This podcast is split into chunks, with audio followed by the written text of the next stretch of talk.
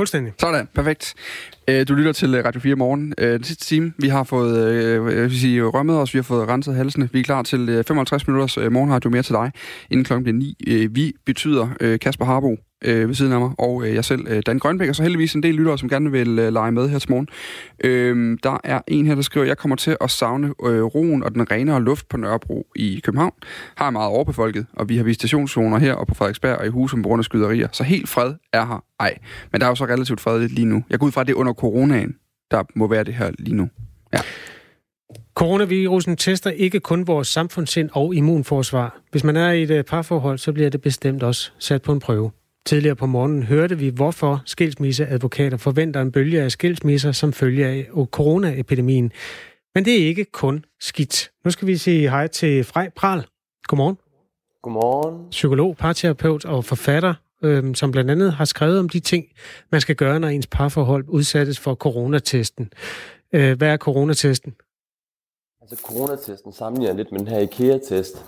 Det her med, at hvis man ens partner kan tage med en tur i IKEA, ens mand underforstået, og på en måde være i IKEA uden at bryde fuldstændig sammen over varehuset, så har man højst sandsynligt fundet sig en god partner. Nå, ja, på den måde. Frej, altså, jeg har lige en uh, intertekstuel reference til dig. Uh, dit dit uh, headset, det rasler lidt mod skægstruppen, så hvis du kan sørge for... Er det bedre nu? Ja, sørg for, at det ikke uh, yes. kører frem og tilbage mod din hud. Uh, Frej, hvad er det for nogle ting, der bliver bragt i spil i parforholdet, når man er låst inde sammen? Jamen altså det man kan sige, det er, at når et parforhold er under et hvilket som helst form for ekstern pres, en, en ekstern belastning, kan man sige, så træder de mere primitive overlevelsesmekanismer frem. Det var noget af det, vi også så, da folk begyndte at masse hamstre, lige pludselig toiletpapir og hvad der ellers var det, der simpelthen sker, det er, at vi bliver selv nærmest, når vi er udsat for sådan en, en udfrakommende fare, kunne man sige, eller sådan en ekstern belastning. Og det sker altså også i vores parforhold. Og det, der sker, det er, at vi bliver simpelthen dårligere til at være nærværende over for hinanden. Vi bliver dårligere til at være tilgængelige og støttende og rummende over for hinanden, når det her eksterne pres det kommer. Og det er rigtig ærgerligt, fordi det er faktisk en af de vigtigste evner overhovedet i et parforhold. Og som om det ikke var nok, så kommer vi også ofte til at tænke, at det er partnerens skyld, og det er ofte sådan en helt almindelig, klassisk, banal psykologisk mekanisme, vi kalder søndebuks-teorien. Det her med, at når vi er ramt af et udefrakommende pres, så har vi brug for et eller andet sted at rette vores frustrationer hen. Og nu er det jo meget belejligt, når man er sammen med sin partner, man så kan rette frustrationerne mod ham eller imod hende. Og som om det ikke var nok, så kommer der en tredje ting i spil, og det er det her element, der hedder negativ fortolkning. Og det betyder, at når vi er udsat for en fare, og vi er i vores psykiske overlevelsesberedskab, kunne man sige, så er vores sind på en måde tunet ind efter fare, potentielle trusler. Det vil sige, at jeg bliver rigtig opmærksom på den her potentielle bebrejdelse, der kunne ligge i min partners tone, i min partners adfærd. Jeg bliver mere sådan alert over for de her små tegn på, at min partner måtte misbillige mig på den ene eller den anden måde. Så jeg kommer altså til at lægge negative intentioner ind i min partners adfærd, og det er også super giftigt for parrelationen. Er der øh, nogen metode til at få parforholdet til at blive tættere? Når man nu står i den situation, mm. så må der jo, der, kan man vende det til noget positivt? Ja, det kan man sagtens. Altså, vi kan også se i forskningen, at de par, som faktisk evner at støtte hinanden i svære tider, de kommer styrket ud på den anden side. Og jeg tror, det første og vigtige, det er at prøve at finde ud af, at vi er i den her båd sammen med hinanden. Altså, vi er begge to øh, to underskudsforretninger, kunne man sige, lige nu. Og derfor kommer vi til at gå ind i de her negative selvforstærkende spiraler sammen med hinanden. Og hvis vi kan opdage, at vi begge to er udsat for det her, at vi begge to er et ret elendigt sted lige nu, og vi på en måde kan se hele den her krise og coronavirus som en ydre fælles fjende, vi er imod, i stedet for at partneren bliver til den der fjende, kunne man sige. Hvis vi kan stå sammen og, og forsøge at have så meget overbærenhed og støtte med hinanden, på trods af alt det, der sker lige nu, så kan vi rent faktisk komme endnu tættere sammen, end vi måske har været, inden den her krise den startede. Frej Pral, nu er det jo parterapi, du bedriver her, og dermed øh, sådan for ægte folk og elskende folk og kærester og alt sådan noget. Men der er nogle af de ja. dynamikker, du beskriver der, som jeg også øh, har jagtet mellem mine børn. Altså er der nogen, øh, sker der noget af det samme mellem søskende? Imellem søskende, kan du forklare det yderligere? Jamen, jeg tænker ikke, altså jeg tænker på, om, om de relationer, som man har, mm. hvor man får slidt hinanden i bund, fordi man er presset, ja, og om, ja, ja. Om, om der sker de samme dynamikker mellem mennesker, der altså mellem ja. en storesøster og en lille søster for eksempel? Ja, det er helt sikkert. Jeg tror rigtig mange af de samme ting sker i hele familien. Altså jeg tror, det her pres, det påvirker os alle sammen. Og jeg tror også i familien, og også mellem søstrene, der gælder det om at have en ekstrem stor overbærenhed med hinanden. For mange af de konflikter, man også ser for eksempel blandt søstre lige nu, det kan hurtigt føre til sådan en ekstremt dårlig stemning, hvor vi hele tiden går og retter på dem, og hele tiden siger, hold nu op, stop med det der, jeg gider ikke, kan du lade nu din bror være, jeg gider ikke have det, stop. Så ender i sådan nogle nye negative spiraler, fordi så begynder børnene at få mere negativ opmærksomhed, og deres underskud det falder yderligere, og de får endnu mere lyst til at drille hinanden, og der kommer flere søsende konflikter, så man kan sige, modgiften er også i forhold til vores børn og søs, eller altså i forældrerollen i forhold til børnene den samme, at vi bliver nødt til at prøve at udvise, selvom det er pisse svært, en form for overbærenhed. Altså vi bliver simpelthen nødt til at blive bedre til at sige, sådan er det lige nu, vi er super presset, og prøve at se, om vi kan undgå alle de her sure hverdags i rettesættelser, kan man sige. Men Fejpral, øh, det er, jo, det er jo fint at gerne vil undgå dem, men ja. vi ender jo med at sidde der og sige, hvad, hvad, hvad filen mente hun med det, agtigt. Ja. Og den måde, hun siger det på. Og så er det fint nok, at jeg skal sidde og tænke, ah, hun mente det nok ikke så svært, men det gør man jo ja. ikke. Altså, hvad er det nej, for nogle nej, konkrete nej, nej, nej. ting? Altså, hvad, ja. hvad, hvad, altså, det, det er et super godt spørgsmål. Hvad hedder det? Og man kan sige, det allervigtigste, det vi også kan se fra forskning, det er jo heller ikke, om vi så ryger i totterne på hinanden og siger, det gider jeg fandme ikke at høre på det der, stop med det. Altså, vi får de her diskussioner med hinanden. Det er ikke det, der er det konkret væsentlige. Det væsentlige er, at vi rent faktisk er i stand til at reparere på de her konflikter, når vi har haft med hinanden. Det vi, altså det vi entydigt kan se, det er, at de par, som er i stand til at sige undskyld til hinanden, de par, der er i stand til at tilgive hinanden, når der er råd en finger af panden, fordi selvfølgelig gør der det, også i den her tid. Det er de par, som også klarer sig rigtig godt på den lange bane. Altså selv vi parterapeuter gør det. Jeg har da også de her konflikter med min kone, også i den her tid, fordi jeg er mega bekymret. Så jeg er særlig opmærksom på hele den her, altså undskyldning. Men går du så bare og siger undskyld, det er mere, eller hvad? Ja, jeg siger mere undskyld. Ja, det kan jeg lægge mærke til hos mig selv i hvert fald. Jeg siger mere undskyld, og min Men, kone siger mere undskyld. Helt så generelt. vi kan ikke gøre noget for at undgå konflikten? Vi skal bare sige undskyld bagefter. Jo, jeg tror, det vi kan gøre for at undgå konflikten, det er, at vi kan, altså på en måde, vores tanker, dem kan vi kontrollere. Vi kan rent faktisk styre vores tanker hen i retning af at have fokus på vores partners positive intentioner. Men altså, jeg det, kan, det, det kan jeg simpelthen ikke, når jeg sidder og lytter efter intentioner hen over spisebordet der. Altså, det, det er jo der, jeg har brug for noget fra i Det er jo det, jeg tænker, at øh, en parterapeut ville være god at snakke med. Ja, det kunne være godt at komme til en parterapeut, som var i den situation, kunne man sige. Ja, hvis der kommer en til en par, så vil jeg sige konkret, hvad er det, der trigger dig i den konkrete situation, vil jeg spørge om. Hvad er det helt konkret, du bliver ramt af lige på det tidspunkt? Og så vil jeg være optaget af, om du kunne for, altså formulere din ramthed på andre måder end måske et modangreb. Det afhænger jo selvfølgelig af, hvad du plejer mm. at gøre. Og så vil jeg sige, altså så vil jeg konkret blive opmærksom på, hvad er min, hvad, hvad, hvor, hvor er min sårbarhed er henne? Hvor er mine triggerpunkter? Og så vil jeg blive opmærksom, kunne jeg sige, at det rammer mig simpelthen, når du siger det der. Det er jo ikke, fordi vi ikke må sige, at vi bliver ramt. Det er ikke, fordi vi ikke markerer vores grænser. Det, man kan sige, det er måden, vi markerer vores grænser på. Hvis vores grænser, grænsesætning, kan man sige, bliver til et nyt modangreb, der siger, det er simpelthen så respektløst, når du snakker sådan til mig, eller hvad jeg selv kunne finde på at sige til min kone hvad hedder det, så bliver det lynhurtigt til et modangreb, som kommer til at aktivere den andens forsvarsmekanismer. Og når den andens forsvarsmekanismer så bliver aktiveret, så kommer der et nyt modangreb tilbage igen, og så har vi de her super ærgerlige negative selvforstærkende spiraler. Mm. Så det handler rigtig meget om at finde ud af, okay, når jeg så bliver ramt, kan jeg så sige, hey, det der kan jeg åbenbart mærke, det rammer lige mig af den ene eller den anden eller den tredje grund, så, har der ikke, så er der ikke den samme sandsynlighed, kan man sige, for at min partner også bliver aktiveret i sit, på sine smerteknapper. Okay. Jamen ved du hvad, øh, i hvert fald tak så langt, Frej Pral. Velbekomme. Psykolog, parterapeut, forfatter. Øhm, husk at sige undskyld, Kasper. Det skal jeg nok. Klokken er 13 minutter over 8. Og øh, i den seneste uges tid, der, altså nu skal vi lige vende blikket ud af igen. Jeg, jeg har alligevel lige lidt ramt af det der, fordi man skal, bare, man skal bare huske at sige undskyld. Og så skal man tænke over, han hun mener det ikke så alvorligt, som de sagde det. Øh, det var dejligt, at du fik noget med dig fra, Dan.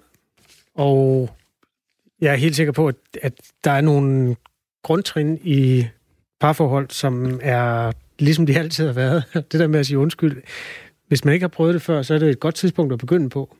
Det har, har du aldrig, plejer du ikke at gøre det? Nej, jo, selvfølgelig gør det. Men, men det er mere sådan en cola, den er åbenbart bare blevet sådan et øh, forstørrelsesglas.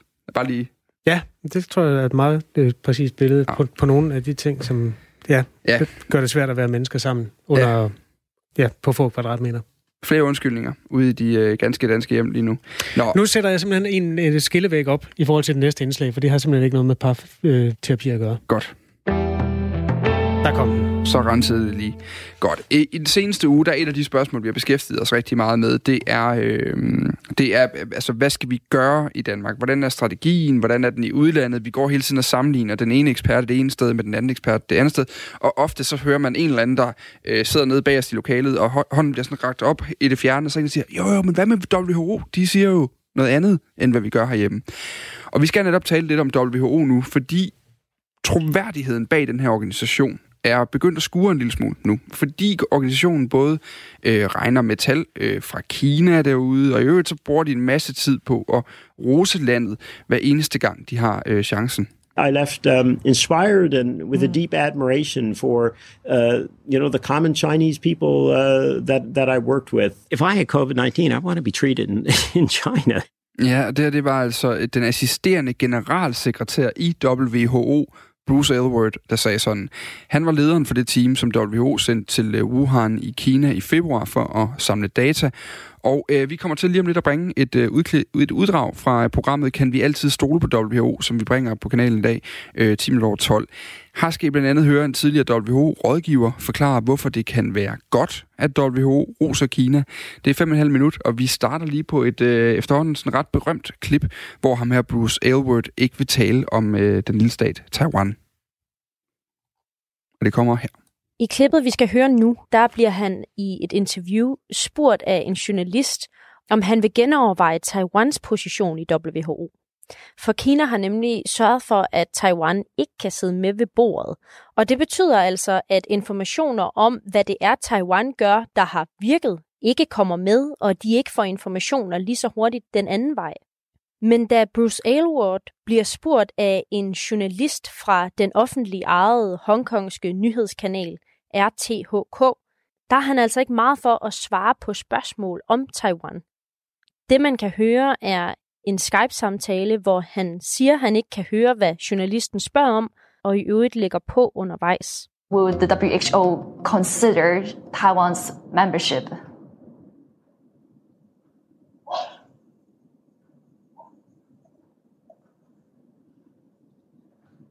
Hello? With, with the, with the sorry, I can't hear. I couldn't hear your question. Okay, yeah. Let me let, let me let me repeat the question. No, that's so, okay. Let, let's move to another one then. Right, because because I'm I'm actually curious on talking about Taiwan as well on Taiwan's case. Har prøver mediet at ringe ham op igen på Skype, men det får de ikke meget ud af. And I just want to see if you can comment a bit on how Taiwan has done so far in terms of containing the virus. Well, we've, we've already talked about China. Derudover har det medført massiv kritik, at WHO har videreført en del information fra Kina, som siden viste sig at være forkert.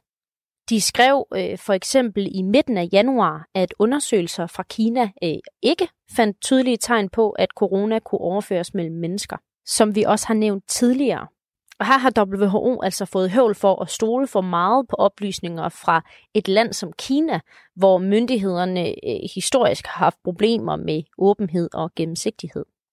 De har også fået kritik for at rose Kina til skyerne, hver gang de får chancen. Her er det generaldirektøren Tedros Ghebreyesus. I will praise China again and again because its actions actually helped in reducing the spread of coronavirus to other countries. Den tidligere WHO-rådgiver Claus Havgård Sørensen mener dog ikke, at det er en dårlig strategi, hvis WHO holder lidt igen med kritikken af Kina. Faktisk er det godt, for WHO har ikke nogen magt, hvis ikke landene også makker ret og retter ind. Og i det her tilfælde er det umuligt for WHO at gøre øh, fra eller til, med mindre Kina samarbejder. Det, jeg har forstået, er, at kineserne på et tidspunkt har sagt øh, til WHO, nu må I ikke være for hårde ved os. Vi har givet jer alle de her oplysninger. Vi gør de ting, I siger, vi skal gøre, men lad være at kritisere os offentligt. Og det har noget at gøre med, at de vil heller ikke tabe ansigt. Og det er heller ikke i vores interesse, at kineserne taber ansigt, fordi så bliver det bare politisk også meget besværligt at, at håndtere. Men hvorfor er vi ikke interesseret i det? Jamen, øh, hvis, hvis du vil have et samarbejde med et land, der har en tredjedel af verdens befolkning, og hvis du ved, at nye epidemier kan komme derfra, så er du nødt til at have en ordentlig relation. Du er ikke nødt til at acceptere, hvis de siger forkerte ting, og du er ikke nødt til at acceptere, hvis ikke de rapporterer og sådan noget. Men man kan godt tage lidt hensyn til hinanden. Hvis, det afgørende er jo at få, få bugt med epidemien. Og, og det må jeg sige, det, øh, det lader til, at kineserne faktisk har, har ydet en indsats, der, der giver os håb. Men det gør mig da lidt urolig i forhold til, når jeg så hører WHO komme med meldinger, som for eksempel strider imod, øh, hvad øh, myndighederne i en periode har gjort herhjemme. Altså, øh, hvorfor skulle jeg så lytte ekstra godt efter, når WHO melder noget ud, hvis de samtidig skal have taget alle de her politiske hensyn hele tiden? Jeg, jeg synes faktisk, det er ret klog politik lige at stikke fingrene i jorden med den under den, under den, under den forudsætning, at det videnskabelige råd, der bliver givet, og at øh, videnskab, altså at, at selve substansen er i orden. Nu skal du lige huske på én ting, og det er, at øh, det tjener ikke meget formål at træffe nogle beslutninger, som ikke har støtte hos de lokale regeringer. Fordi i sidste ende, så skal epidemien jo behandles og bekæmpes inde i deres lande. Så man er nødt til at ligesom få de her modeller accepteret af de lande. Og der er nogle lande, der siger, det skal I bare ikke blande jer i. Det er vores egen, det er vores egen butik. Hold jer væk. Altså, det, det, er, jo, det er jo virkeligheden, øh, når, når, når, når, man er, øh, øh, når man har at gøre med suveræne stater. Det er ikke bare noget, man går ud og gør med sådan en, en stor øh, fægtestang, og så slår dem i hovedet, og så regner man med, at så, så, så bliver problemerne løst. Sådan lød det altså øh, i det her lille uddrag fra programmet Kan vi stole på WHO? Kan vi altid stole på WHO? Som du kan høre øh, senere i dag, altså en programserie, vi har lavet her under øh, corona-epidemien, øh, fordi det faktisk giver mening lige at kigge lidt på, hvem er de her mennesker, vi ligesom bruger som, som pejlemærke for, hvad vi selv gør øh, hele tiden. Det er kl. 12.10, det er lige her på Radio 4, og det er i dag. Klokken er 22 minutter over 8. Danmark er lukket ned. Alle forholdsregler bliver taget i forhold til smittespredning. Anderledes ser det ud i vores naboland Sverige. Det er i hvert fald det billede, medierne maler af Sverige lige nu. Monika Svensson bor der. Godmorgen. Godmorgen. Dansker bosat i Skurup i Sverige. Øhm, ja. og, og så er du jordmor. Skal du på arbejde i dag? Ja, det skal jeg. Men jeg arbejder på en ungdomsmodtagning, så jeg er jo ikke på et sygehus, men jeg, har, jeg arbejder på en meget stor ungdomsmodtagning inde i Malmø, hvor vi tager hånd om unge fra 12 til 23. Hvor, hvor meget har din hverdag forandret sig? Åh, oh, den har forandret sig rigtig meget. Det har den. Vi, øh, altså rent privat, så gør vi jo ikke andet end, at vi er hjemme, og så øh, går på arbejde, og så omgås vi bare med vores børn og deres kærester. Handler så lidt som muligt. Har aldrig brugt så meget sæbe nogensinde herhjemme. Det kan vi jo mærke, selvom vi har rimelig renhed ellers, synes jeg. Mm. Men øh, alt har jo ændret sig også for os her i Sverige, og så er det selvfølgelig svært, at jeg ikke kan komme til min mor, der sidder isoleret nu på 25. dag nede på Lolland, og min familie over, jeg skulle have været i, på hendes strand nu her i påsken, men det er jo meget små offer, men det er jo en påvirkning for os alle sammen. Bare lige for, når du nu nævner din mor, altså, kan, kan du ikke komme ind i Danmark og besøge hende, eller er det noget, du vælger at lade være med? Ej, det er noget, jeg vælger. Jeg kan sagtens komme ind i Danmark, og min mor vil absolut ikke have besøg, men øh, vi kører med at synge morgensang på FaceTime, og vi øh, hækler og laver håndarbejde sammen, og hun er med, når vi sidder og spiser. Så vi FaceTimer det meste af dagen og, og hygger os på den måde, ligesom hun gør med resten af familien. Men at hun vil ikke mødes med nogen. Vi vil jo gerne have hende efter den her krisen, fordi selvom øh, selvom de siger, at det er bare ældre, der dør, så er de væk, er jo også vigtige liv og de liv vil vi også gerne beholde. Og specielt min mor, som øh, er en fantastisk kvinde for hele familien. Så hun vil absolut ikke møde os, og vi vil bare, hun, hun har mange år endnu, vi skal nyde hende i. Helt sikkert. Godt, de mm. passer på sig selv. I, her i Danmark er det politiske billede jo med til at tegne den stemning, som vi går rundt i alle sammen. Og som den er lige nu, der er stemningen altså bortset fra de ulykkelige mennesker, som er påvirket direkte af coronaen, okay. så er stemningen jo sådan, at man ser lidt frem mod, at noget kan åbnes igen. Er der sådan en form for stemning i Sverige? Kan du, kan du prøve at beskrive, hvad er det, der, der er det, man taler meget om nu i Sverige? Nej, altså vi går nærmest den anden vej jo, at øh, vi begynder at blive forberedt på, at der kan være flere ting, som eventuelt kan blive lukket ned. Skoler, grundskoler kommer ikke at blive lukket ned. Men at vi har jo lukket ned gymnasier og universiteter. Men at, øh, at, at, at man ligesom prøver at... Øh, altså hele politikken her er jo, at, at, at i Sverige, at man vil skabe en folkeimmunitet. Og derfor skal vi have en vis del, der skal blive smittet. Og det prøver man så at åbne for og lukke for i forhold til, hvor, hvor restriktivt det bliver. Men vi har også mange restriktioner her, men man, man bygger på, at det skal være en sundhed, som kommer fra befolkningen, det der hedder en folkevæb. At folk selv, altså man kommer nogle rekommendationer, som man prøver, at folk skal leve efter. Når jeg sammenligner med mine familie og venner i Danmark og deres opslag og hvad de fortæller i Sverige, så er det nogenlunde det samme. De fleste holder afstand, de fleste holder sig til reglerne, men så er der også dem, som går ud og handler, som er i risikogruppen, eller som hoster en op i nakken, eller sådan nogle ting. Det er både i Danmark og Sverige. Men at man ligesom i Sverige mere har gået ud med at, at, at sige, hvad man rekommenderer, og så at folk selv kan tænke sig til det. Jeg, jeg synes faktisk, det fungerer. Også fordi man i Sverige meget har stor fokus på den psykiske og mentale sundhed og at, at, øh, at vi ikke skal have nogle udsatte grupper bliver mere udsat, altså øh, æresrelateret vold eller øget vold og misbrug og, mm. og de her ting. Så, så, så, så man ser ligesom, at der er flere ting, som er vigtige. Vi må heller ikke øge arbejdsløsheden, fordi det kan også give selvmord og problemer, eller for de små erhvervsdrivende, at, at det er en, en stor balance med store skåle, der man hele tiden skal afveje. Jeg synes, Sverige har fundet en, en, en god balance. Der er stadig et stort tillid til myndighederne, forstår man, i øh, Sverige, hvor det jo er myndighederne, der tager beslutningerne og også markedsfører dem over for befolkningen i skikkelse af især den svenske statsepidemiolog Anders Tegnell. I weekenden er der blevet skrevet, og det har danske medier også skrevet om, i forhold til, hvor mange der har mistet livet i Sverige. De officielle statistikker siger, at der er øh, godt 400 mennesker, der er omkommet som følge af coronavirus. Men i går øh, kom historien om, at tallet måske er næsten dobbelt så højt. Ja. Den diskussion, der følger der, er det noget, der, der påvirker tilliden til myndighederne for dig og for dem, du kender? Altså, øh, altså vi har jo mere ekspertvælde i Danmark, øh, Sverige. Ja. Det er, altså, myndighederne er ikke rigtig på skud her. Hvis der er nogen, så er det jo Anders Tegnell.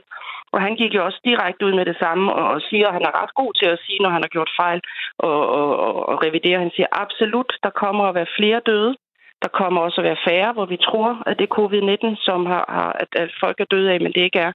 Men at, at, at tallene slæber efter, men at de øh, vi nu har fået bedre og bedre teknik, øh, som gør, at vi kommer at have et mere opdateret mængde. Men det er absolut, så øh, siger han også, at der er sikkert flere, der er døde, og, men, men der er også nogle færre, der, altså andre, som ikke skulle have været registreret. Så men der er lige så mange, der skyder på, på Anders Tegnell her, og, og som er uenige med ham. Og sådan. Vi lever i demokrati som Danmark. Nogle er enige, og nogle er uenige. Men, men selvfølgelig, jeg som sundhedspersonale, vi er ret så enige med ham, fordi at, at, at det er jo evidensbaseret videnskab, som ligger bag det, han siger. I den øh, udstrækning, det er muligt, fordi det ikke i alle tid, ting er muligt. Men for eksempel det her med, at vi ikke lukker skolerne, det er jo øh, øh bevisligt, at når man, som, som det er farligt, det Danmark udgør nu, og pludselig, hvis man åbner for hurtigt, så ser man ofte en øgning af, hvad hedder nu, virusen, mm. og at, øh, at, at der først bliver farligt der. Hvorfor er det så, farligt, så, det Danmark gør nu? Jamen, hvis, øh, det kan være farligt netop, fordi folk har længtet så meget, så at, at øh, man tager for let på det, og ikke forstår, at, at man skal holde sig til de her øh, rekommendationer. For i Danmark har det været lidt mere firkantet, og nu skal vi gøre sådan. Og hvis der åbnes, så har man måske ikke fået lært det her ind langsomt, man har fået i Sverige. Et eget ansvar, en egen sund fornuft, men hvor, hvor det så at danskerne kan føle, wow, nu er det frit, nu flipper vi ud, og så mødes vi alt for mange, og så eksploderer sygdomme, hvor man i Sverige langsomt blive ligesom blevet trimmet ind i, nej, nu skal I tage jer sammen, I skal spritte hænderne, I skal holde afstand, I skal holde social distance. Så er det ligesom komme ind på ryggraden i stedet for. Forstår du forskellen? Ja. Så vi ligesom måske, fordi de snakker jo om, at, at det her det bliver et helt året ud i Sverige. Det er mm. ikke noget, der er færdigt om et par måneder. Men, men det, i hvert fald det her år ud er der mange restriktioner. Det er også andre ting, som har været ude og sagt det at det kommer at være i lang tid, det her, og det er noget, vi skal holde fast i. Og at øh, vi, vi, vi har meget mindre normal influenza, vi har ikke de her mavesygdomme, der kører rundt ellers, og ligesom arbejde ind, at det her det er måske en måde, vi skal leve på på mange måder. Lige, lige til sidst, øh, ja. Monika Svensson, ja. fordi det er ret interessant at høre det her, fordi det netop er et markant andet blik på det, der foregår i Sverige, end ja. det, der ligesom bliver talt mest om i Danmark.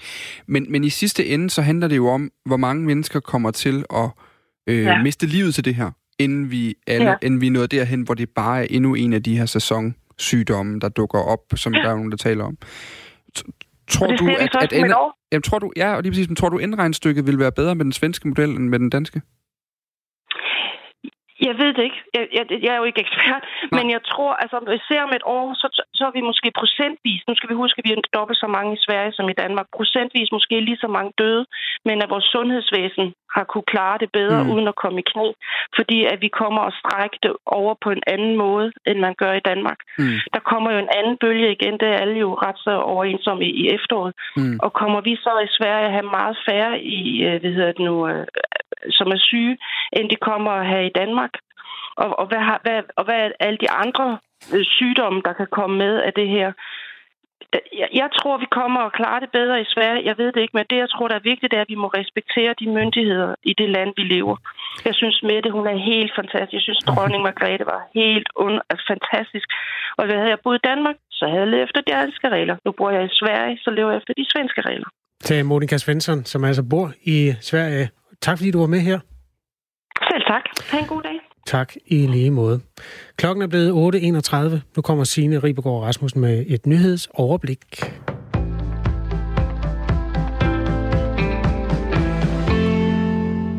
Et meget omtalt forskningsprojekt om effekten af brug af mundbind i det offentlige rum er udskudt til ugen efter påske.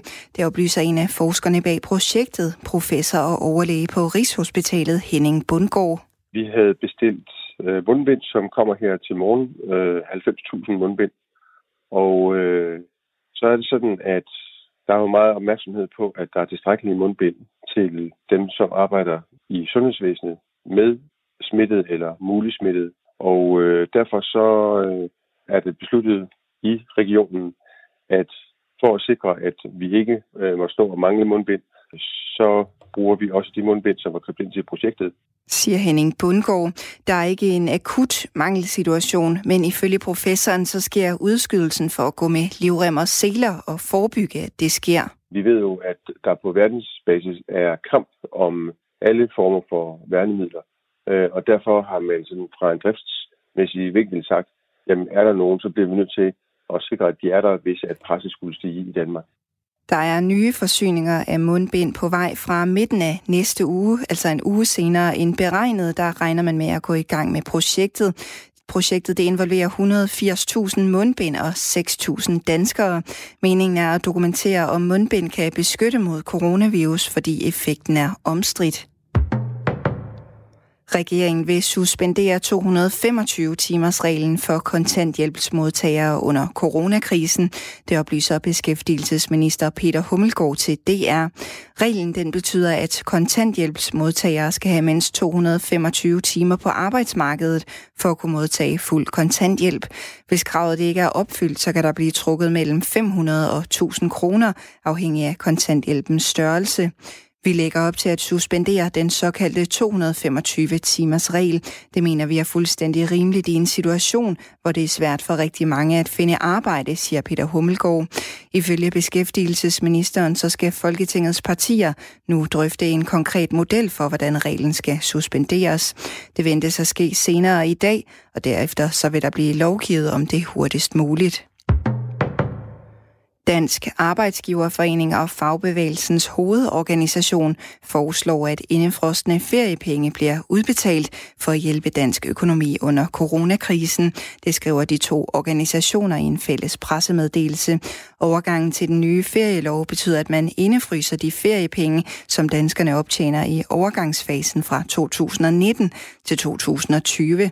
Det drejer sig om omkring 100 milliarder kroner, og de bliver løbende bliver løbende sparet op hos virksomhederne.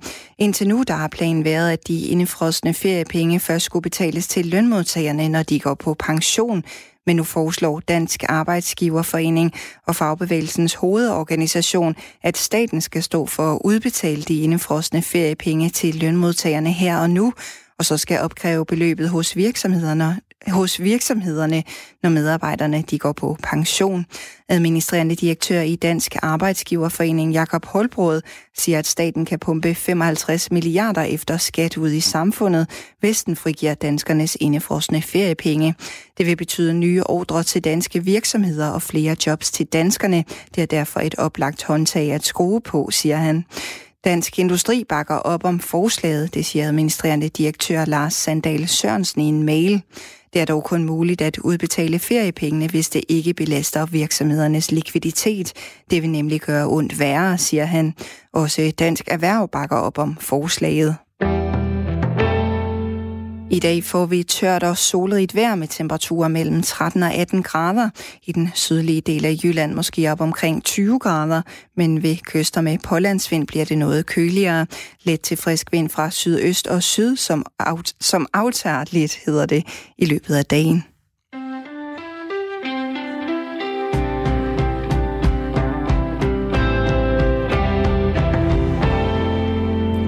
Godmorgen, Radio 4 Morgen, der klokken er 25 minutter i 9 i studiet af Kasper Harbo og Dan Grønbæk.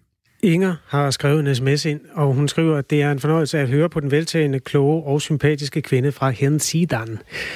Og øh, hende talte vi med før nyhederne. Den øh, kvinde, som... Øh, nu Mon- lige... Monika Svensson. Undskyld, ja. Monika Svensson, som bor i Skudrup, øh, 15 minutters øh, kørsel fra Ystad i Sverige. Hun flyttede dertil for godt 25 år siden. Og det er jo meget forfriskende at høre nogen tale pænt om den svenske strategi, som der bliver rystet en del på hovedet af i Danmark i de her dage.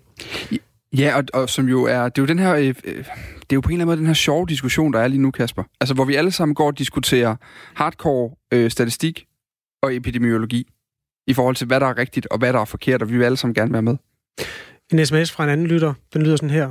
Der er tre gange så mange døde i Stockholm, som der er i hele Danmark. Evidensbaseret. Prik, prik, prik. Ja. Og på den måde er der jo ikke rigtig nogen, der kender... Øhm, der er ikke hvad skal man sige? Resultatet? Nej. Og det er jo det, der er så interessant lige nu også, det er, altså Monika, hun sagde det egentlig ret godt i øh, slutningen af, at da vi talte med en Monika Svensson her, hvor hun siger, jamen vi, altså, det må vi jo se om et år. Og det er jo det, der ligesom er udsigten på det her, at det er, at vi må vente og se på den anden side, og så kan vi evaluere. Der kommer gode nyheder, og der kommer dårlige nyheder hver eneste dag. Klokken er 8.37. Og nu skal vi til øh, USA. Here's how you can make your own face covering in a few easy steps with items you can find around the house, like an old scarf, a bandana or a hand towel, or you can make a face covering out of an old t-shirt. Hvis du har en gammel t-shirt, eller en bandana, eller et, et gammelt tørklæde, så kan du lave din egen ansigtsmaske. Fortæller manden, som du hørte her, den amerikanske sundhedsdirektør, Dr. Jerome Adams. Fold it to the middle from the bottom. Fold it to the middle from the top. Og så folder man så, som han beskriver i den her video. Øh, han står i fuld uniform og folder et stykke stof fra en navyblå t-shirt for at vise amerikanerne, hvordan de kan lave ansigtsmasker ud af stof og to eller stikker. Then you fold either side to the middle, and you have yourself cloth face covering. It's that easy. It is that easy, mm-hmm. ifølge US Surgeon General, som hans fine titel er i USA. Fordi amerikanerne, de har brug for at beskytte sig imod coronavirus netop nu. Tidligere på morgen, der talte vi med øh, journalist og øh, vores kollega jo, øh, her på øh, Radio 4, Stine Krohmann Dragsted, som øh, normalt er vært på morgenen her, øh, men som lige nu er hos sin familie i USA øh, på grund af coronavirusen. Hun rapporterer derfor fra Amerika for os, og vi startede med at spørge hende i morges, om den øh, amerikanske sundhedsdirektør virkelig mener, at en t-shirt og to elastikker kan øh, beskytte amerikanerne mod corona. Ja, det gør han. Øh, det, det var jo lørdags, at øh, det Hvide Hus og sundhedsmyndighederne de kom med den her nye anbefaling øh, om, at man skal gå med ansigtsmasker, man helst selv skal prøve at lave en, og nu buner det altså med de her instruktionsvideoer på, øh, hvordan vi herover kan lave vores egne masker, øh, for eksempel af tørklæder, eller en t-shirt, som, øh, som du lige har spillet nogle klip med for, for den her video med selveste sundhedsdirektør øh, Jerome Adams. Øh, men ja, øh, de amerikanske sundhedsmyndigheder, de siger, at øh, et stykke stof foran din mund, det kan være med til at begrænse øh, smitten med coronavirus. For det første, fordi det forhindrer os, der bærer masken, i at røre ved vores egen mund, når vi for eksempel har rørt ved andre flader, øh, som kan være inficeret.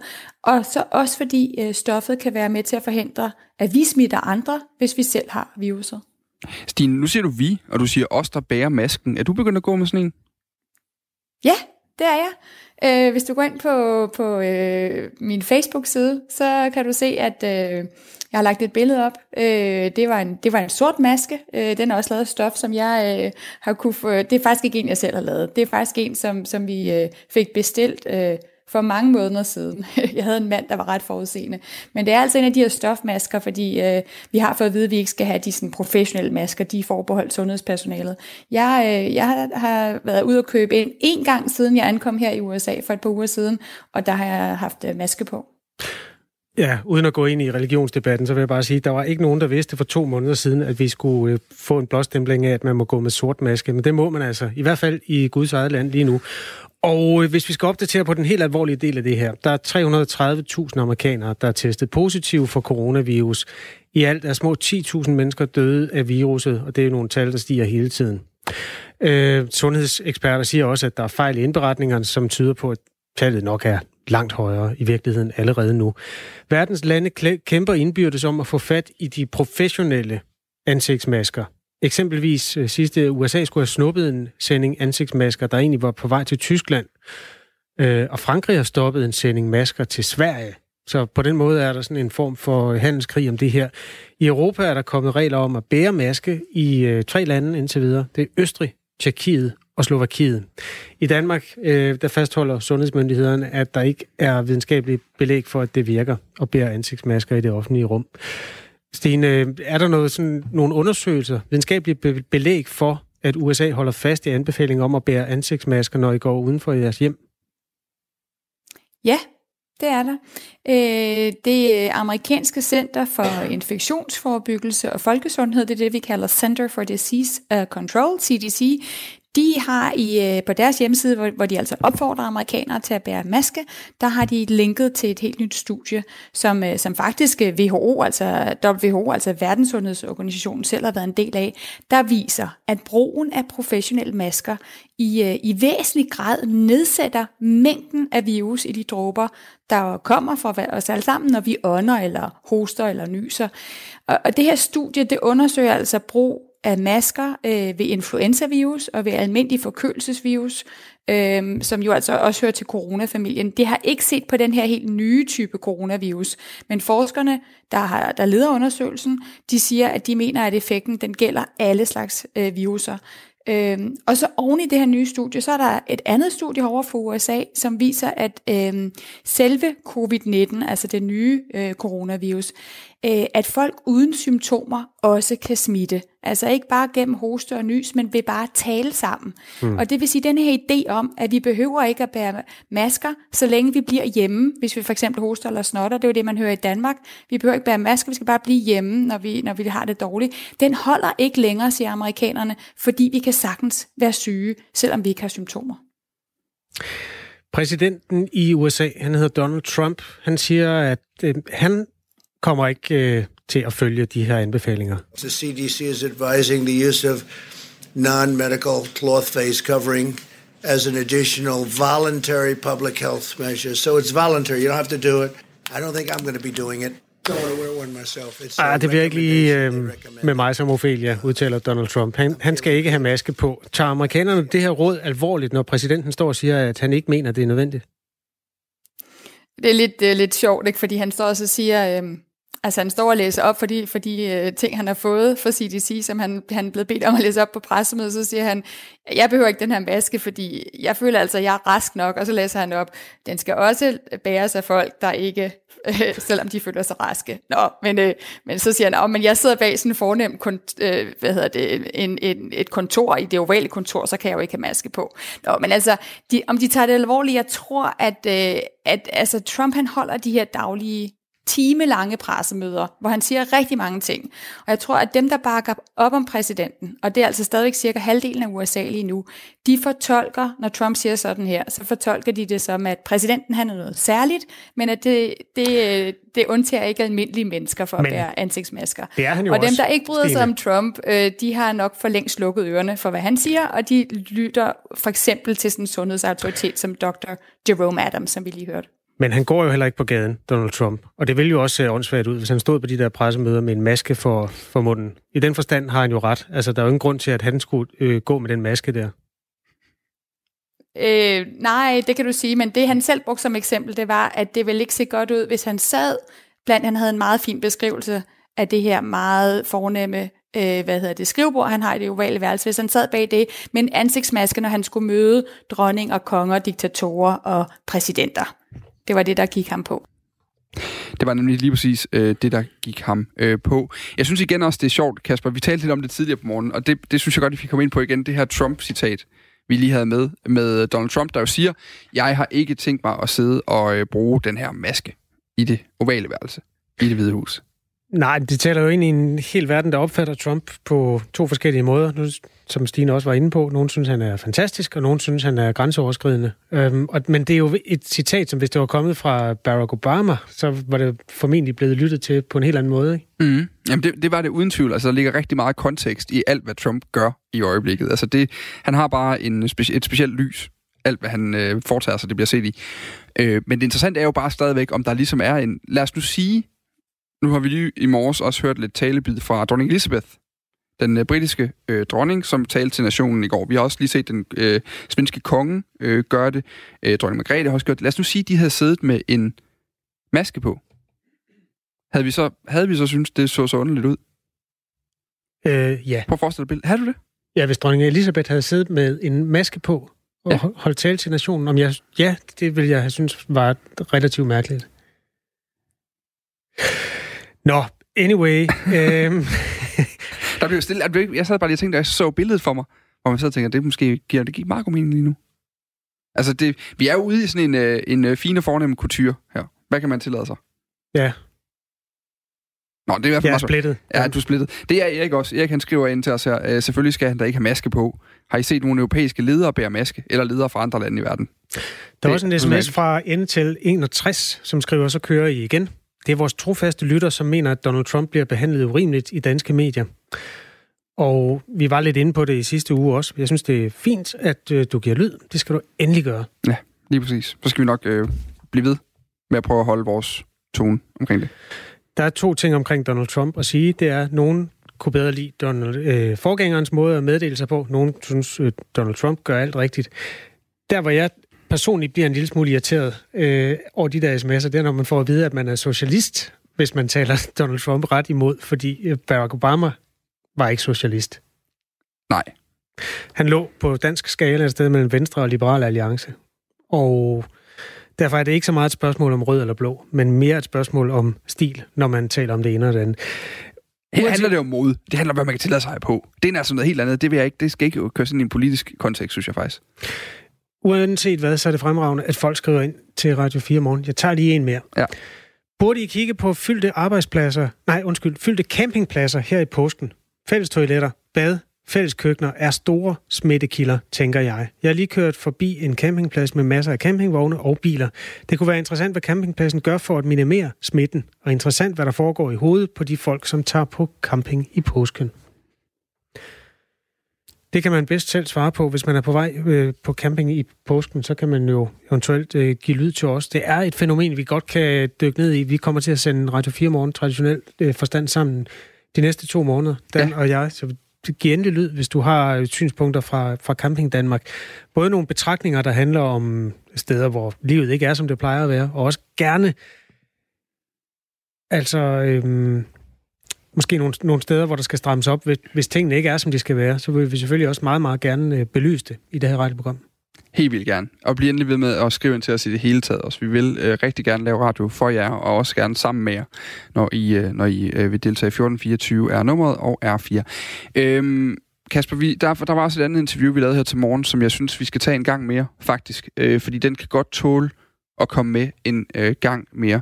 I morges, der talte vi nemlig med... Øh, vi talte med øh, Birgitte Lundgaard øh, Ottosen, som er sygeplejerske i af Herning, og øh, som simpelthen har set sin hverdag lige nu ændre sig øh, rigtig betragteligt, og det betyder også noget for hende personligt. Jeg tror faktisk, det er en meget fin lille øh, ting at, at, at have med her, inden vi, øh, vi runder dagens øh, program af. Prøv lige at høre, hvordan hun sagde det til os. Vi spurgte hende om, hvordan hendes rammer på arbejdet på hospitalet i Herning altså havde ændret sig siden. Rammerne har ændret sig i høj grad. Altså der er øh, uden for indgangen til, til covid-19-afdelingen, er der sat et stort telt op til primært til falkfolk, til rengøring af deres øh, borgere deres øh, værnemidler og deres udstyr. Øh, alle patienter, der kommer ind på afdelingen, skal jo have, have mundbind på og, og have spritet hænder, inden de kommer ind på afdelingen. Så bliver de fordelt ud på stuerne alt efter, om, hvor dårlige de er, om de skal ind på en, en seng med det samme og kobles til ilt, eller om, om de kan sidde i en stol og, og vente på, at der kommer en læge og en sygeplejerske, og, og de bliver testet. Vi har jo fået personale ind fra, fra rigtig mange andre afdelinger, der skal hjælpe os. Men øh, det kræver jo også mig, der skulle, øh, skulle instruere nye kollegaer i hver eneste vagt. Og øh, vi skal bare tage nye funktioner, vi ikke er vant til, og tilegne os nogle nye kompetencer. Så det er en stor arbejdsbyrde for alle på afdelingen. Både øh, service og rengøring og sekretær og, og sygeplejersker og læger, som arbejder sammen med mennesker, de ikke kender navnene på, og som de ikke er vant til at være sammen med. Der er jo nærmest udfordringer øh, så langt øjet rækker i øjeblikket. Heldigvis udfordringer, som rigtig mange mennesker øh, på sygehusene er løser med bravur, øh, ser det ud til. Øh, Birgit Lund, Lundgaard Ottesen, jeg, jeg kommer sådan til at tænke på, når jeg taler med folk, der arbejder på de her sygehus, hvordan, hvordan har du det lige nu? Jeg synes, jeg er, øh, jeg er presset, både på grund af usikkerheden for, for det ukendte, og uvidstheden om, hvor længe det var ved. Det er, det er ret specielt. Det er en pandemi. Det er ikke noget, vi har oplevet før i min tid som sygeplejerske. Det, øhm, heldigvis kan vi sige, at vi bor i, i Danmark, hvor der er øh, en regering, som øh, tager de forholdsregler, der skal tages, så vi øh, forhåbentlig ikke ender samme sted, som, som man ser i andre lande. Og indtil videre er der, er der hjælp til alle dem, der har behov for at få hjælp. Men jeg synes, at det er en god anledning at sætte fokus på sygeplejefaget også. Det er, det er nogle hårde vilkår, vi arbejder under. Vores arbejdstider, det er, det er døgnet rundt, og det er året rundt. Vi løber stærkt, og det har nogle private omkostninger, nogle personlige omkostninger for sygeplejersker, som det ikke har for, for så mange andre offentlige ansatte i, i andre erhverv. Der er også en sundhedsrisiko forbundet med det, og der er jo nogle frygtelige skræmmebilleder, når man øh, ser, hvad der er sket i Sydeuropa. Især i Norditalien, hvor altså, ja, der, har, der er det ene frygtelige tal efter det andet. Jeg hørte, at der blev talt om 60 læger, og jeg ved ikke, hvor mange sygeplejersker, som var døde som følge af det her corona. Hvordan diskuterer I det? Altså, hvordan forholder I jer til det, når I taler sammen, jeres sygeplejersker og læger? Det er selvfølgelig noget, vi snakker rigtig meget om. Der er mange af mine kollegaer, der er smittet med, med corona. Så det er også det, jeg tænker, det har nogle, det har nogle store omkostninger, at man, er, man kan være bange for at tage smitten med hjem til, til sine børn og til sin familie.